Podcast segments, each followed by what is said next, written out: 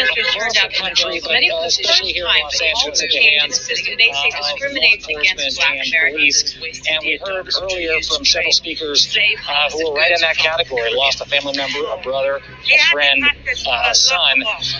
Seeing another human being, a black man, die in such a circumstance.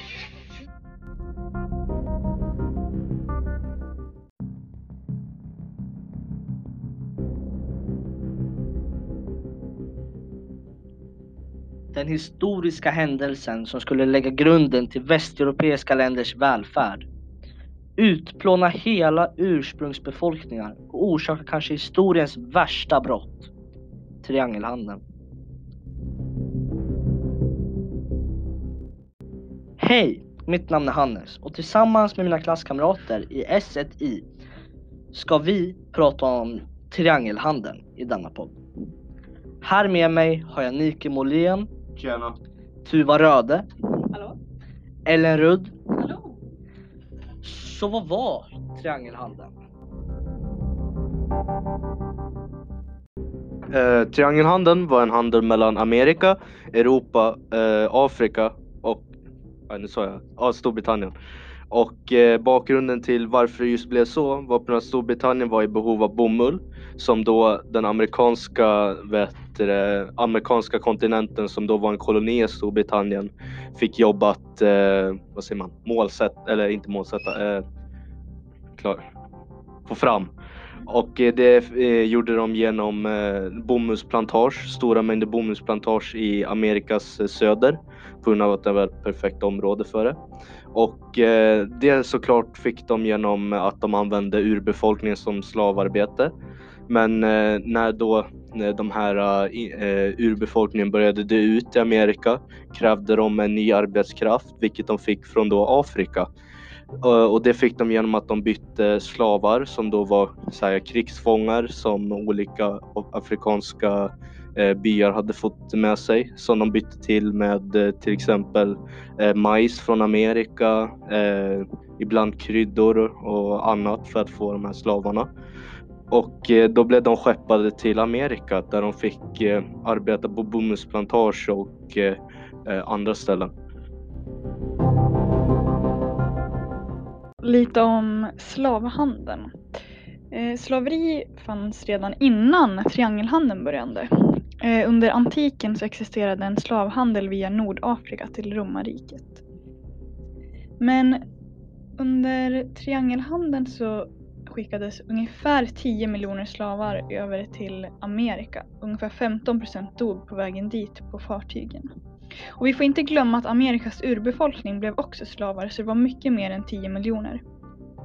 Men många av urinvågarna dog i sjukdom när européerna kom och därför behövde, och det var en av anledningarna till varför man tog slavar från Afrika.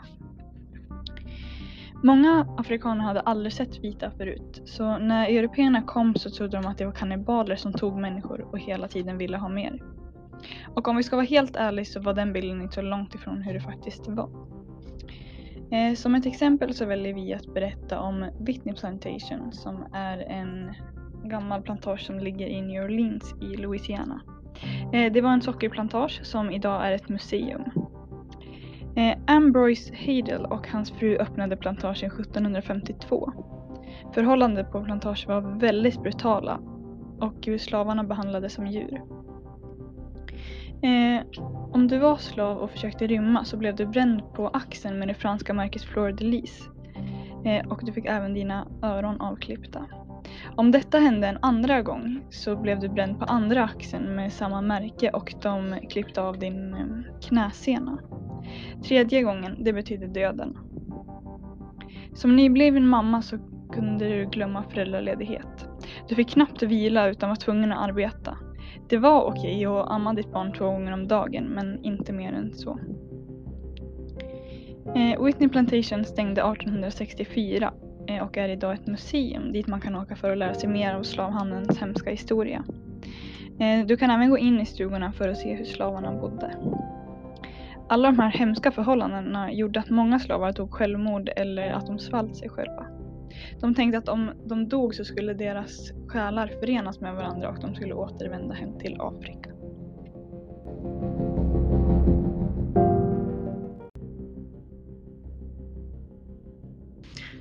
Konsekvenser av triangelhandeln på både ett kort och långsiktigt perspektiv var att Europa blev rikt utav det. Utan triangelhandeln så hade inte Europa sett ut som det gör idag. När nya, nya varor och i större mängder kom till Europa så blomstrade handeln. Detta ökade industrialiseringen ännu mer, det som hade varit en av orsakerna till att triangelhandeln utfördes. När det gick bra för handeln och industrierna så fick de europeiska länderna en bättre ekonomi och mer makt. Detta skulle höja levnadsstandarden för folket då och även för invånarna i våran tid. Triangelhandeln sätter grund för Europas välfärd som än idag existerar. På så vis är konsekvenserna att Europa får det bättre då och än i, ännu idag, en både lång och kortsiktig följd. Under triangelhandelns tid så utförde européerna kanske världens värsta brott. Tillfångatagandet och fraktningen av den afrikanska ursprungsbefolkningen till den amerikanska kontinenten, där de tills de dog fick arbeta som en slav under hemska förhållanden, är brottet.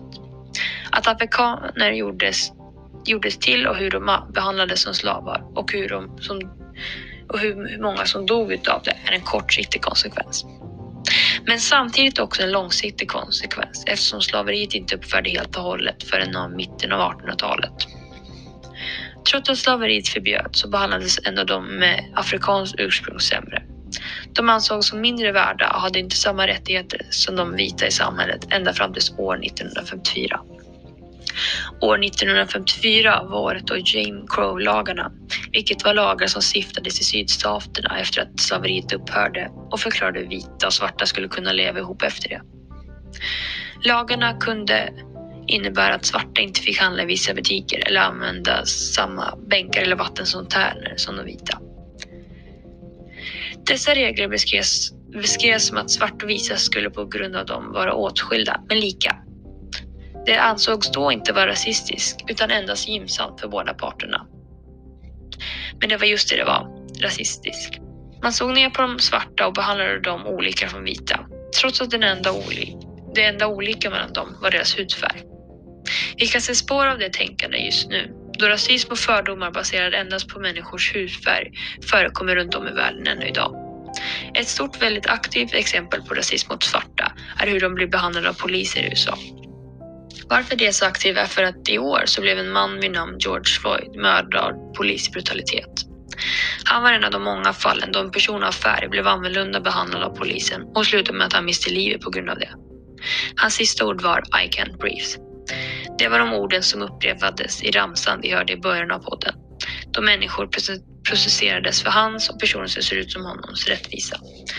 Demonstrationer och organisationer i anledning av svartas rättigheter, eller också som det kallas Black Lives Matter, skapas för att uppmärksamma upphörande rasism som lever kvar än idag som konsekvens av triangelhandeln.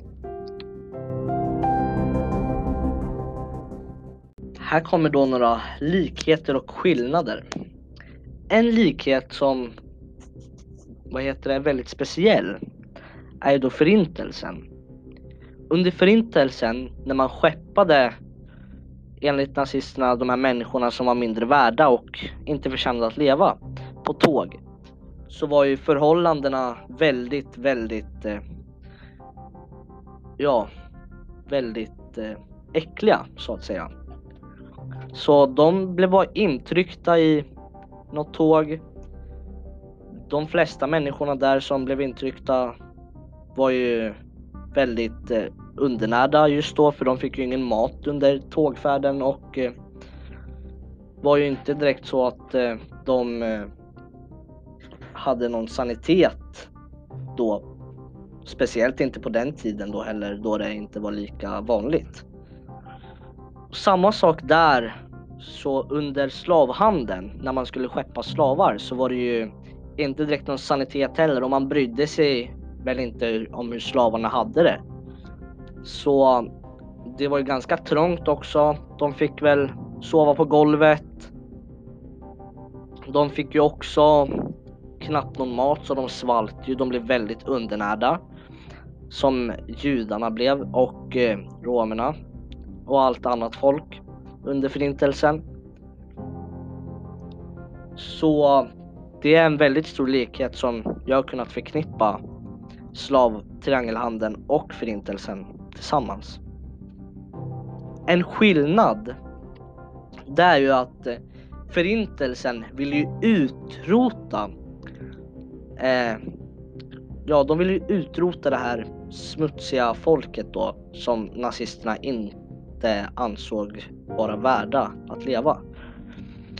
Medans eh, slavhandeln gick ut på att man ville utnyttja de här människorna så mycket som möjligt och eh, ja, ta vara på allting de fick helt enkelt med de här människorna. Att de kunde ge dem bättre arbetskraft och eh, ja, de hade människor under sig helt enkelt som kunde göra det grovjobb som de kanske inte ville göra och allt annat jobb som de ansågs vara skapade för helt enkelt. Och sedan så ville de ju såklart på ett sätt föda upp de här slavarna som en, man kan säga att eh, människorna som höll på med slavhandel såg på slavarna som att de skulle föda upp dem som hundar på ett sätt.